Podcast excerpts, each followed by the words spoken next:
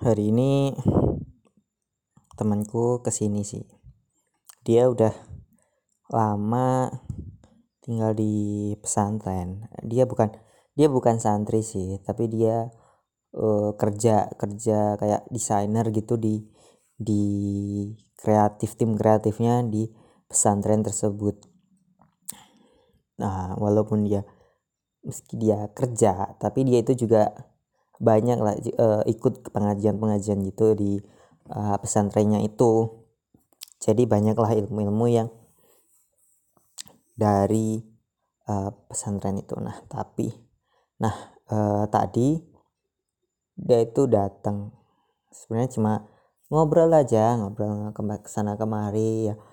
Sampai akhirnya banyak banget yang dibahas itu dari konflik uh, yang lagi ini konflik Syria antara Israel dan Hamas ini.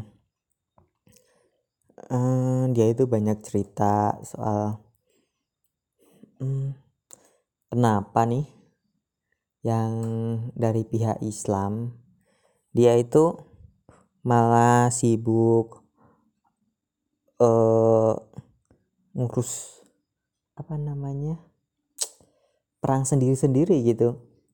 Saling adu domba.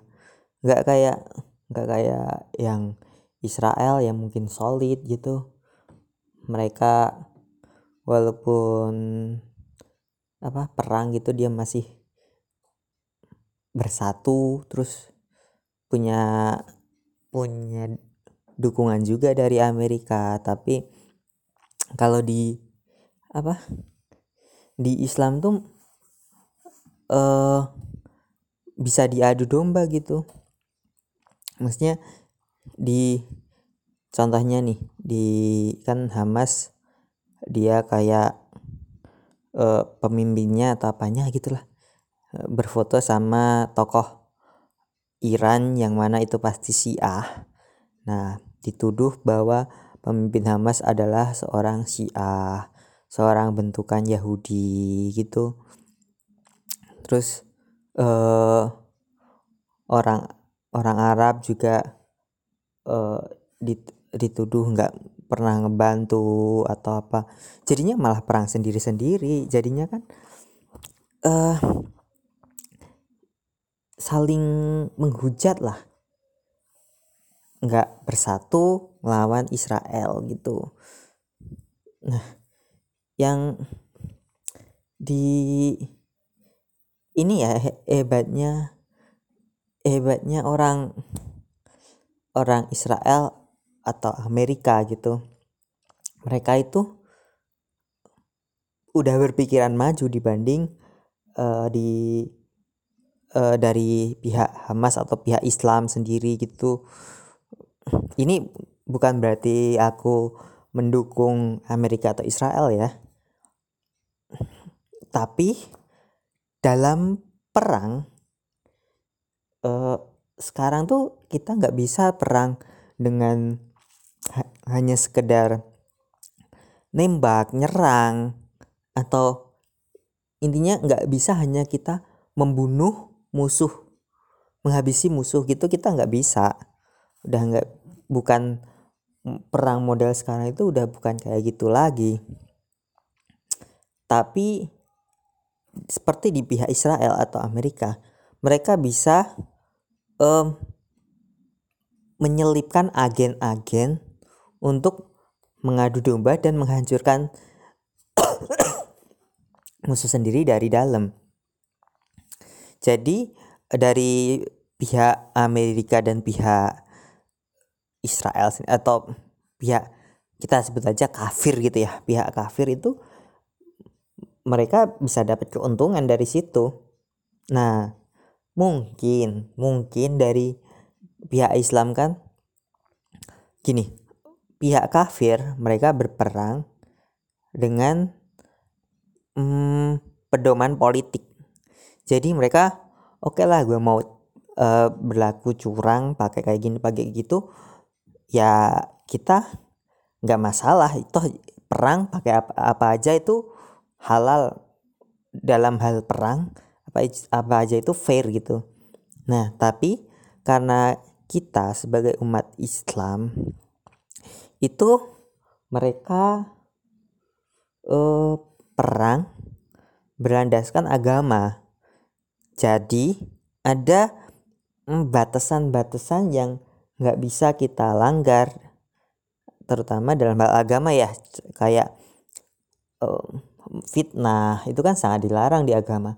Nggak mungkin kita perang uh, terus memasukkan agen ke mana ke pihak musuh untuk mengadu domba itu kita nggak bisa karena emang dengan berperang dengan berdasarkan agama jadi kita pasti perangnya sesuai dari yang agama gariskan itu jadi eh, apa namanya bisa dibilang kekurangan kita jadi kita nggak bisa bebas untuk melakukan apa pun untuk mendapatkan kemenangan.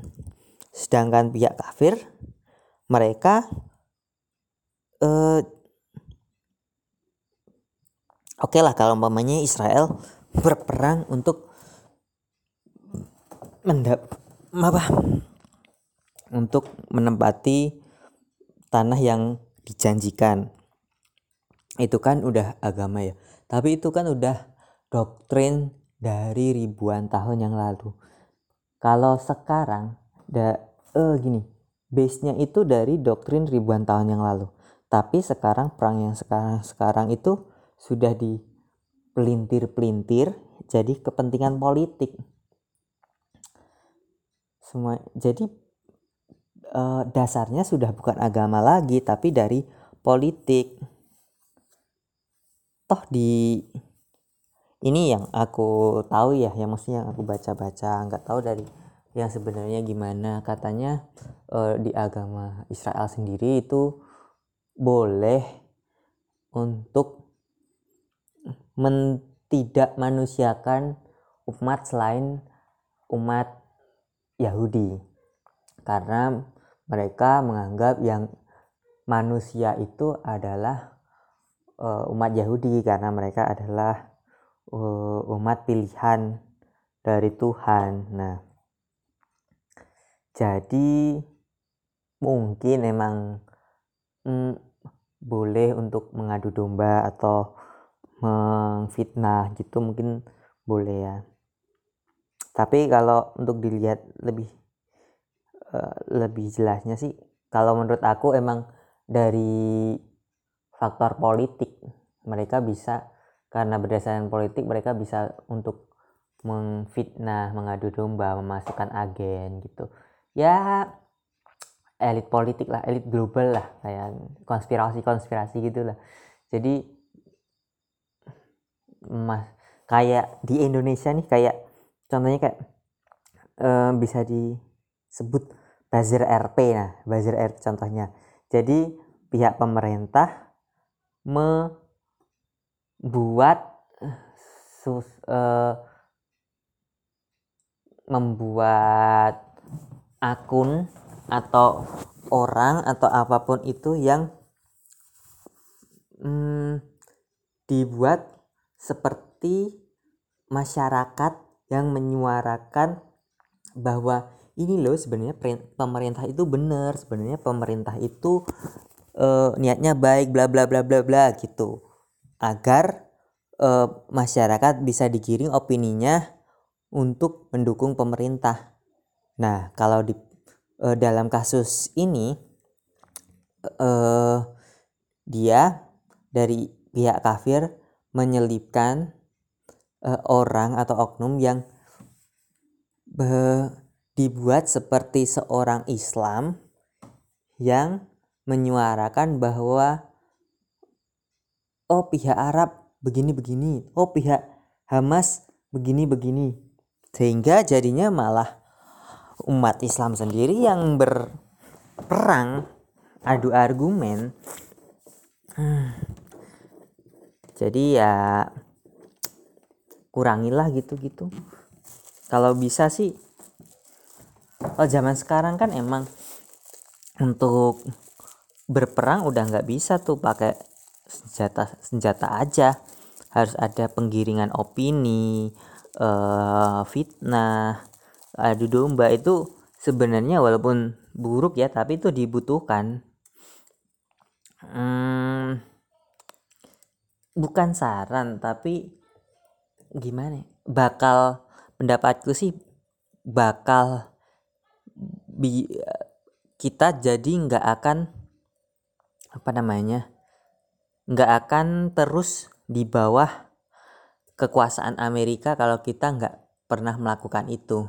Nggak akan nggak nggak melakukan kayak gitu. Karena Amerika sendiri bisa menjadi negara yang sangat maju sangat mendominasi ya. Amerika itu sangat mendominasi uh, di seluruh dunia karena dia pakai cara itu. Contoh lah dia apa namanya uh, negara yang umpamanya ada salah satu negara yang punya uh, apa namanya punya hubungan baik sama Amerika ketika ada pemberontakan maka disebut pemberontak itu akan di framing sedemikian rupa bahwa dia adalah teroris adalah se seorang yang kelompok rad, kelompok radikal kelompok yang sangat berbahaya lah ini. Berbeda dengan negara yang uh, punya hubungan buruk sama Amerika uh, ketika ada pihak kelompok yang memberontak dengan negara tersebut Amerika akan membantu kelompok tersebut dan uh, memframing bahwa uh, kelompok tersebut adalah uh, free freedom fighter apa ya istilahnya? Uh, kayak um, perjuangan demokrasi perju uh, kelompok perjuangan yang mendukung demokrasi atau apalah di framing seperti sedemikian rupa sehingga uh, kelompok tersebut juga dapat dukungan dari pihak-pihak lain atau negara-negara lain. Seperti itu. Jadi sekarang framing itu butuh banget. Gitu aja. Semoga ini bisa jadi podcast rutin.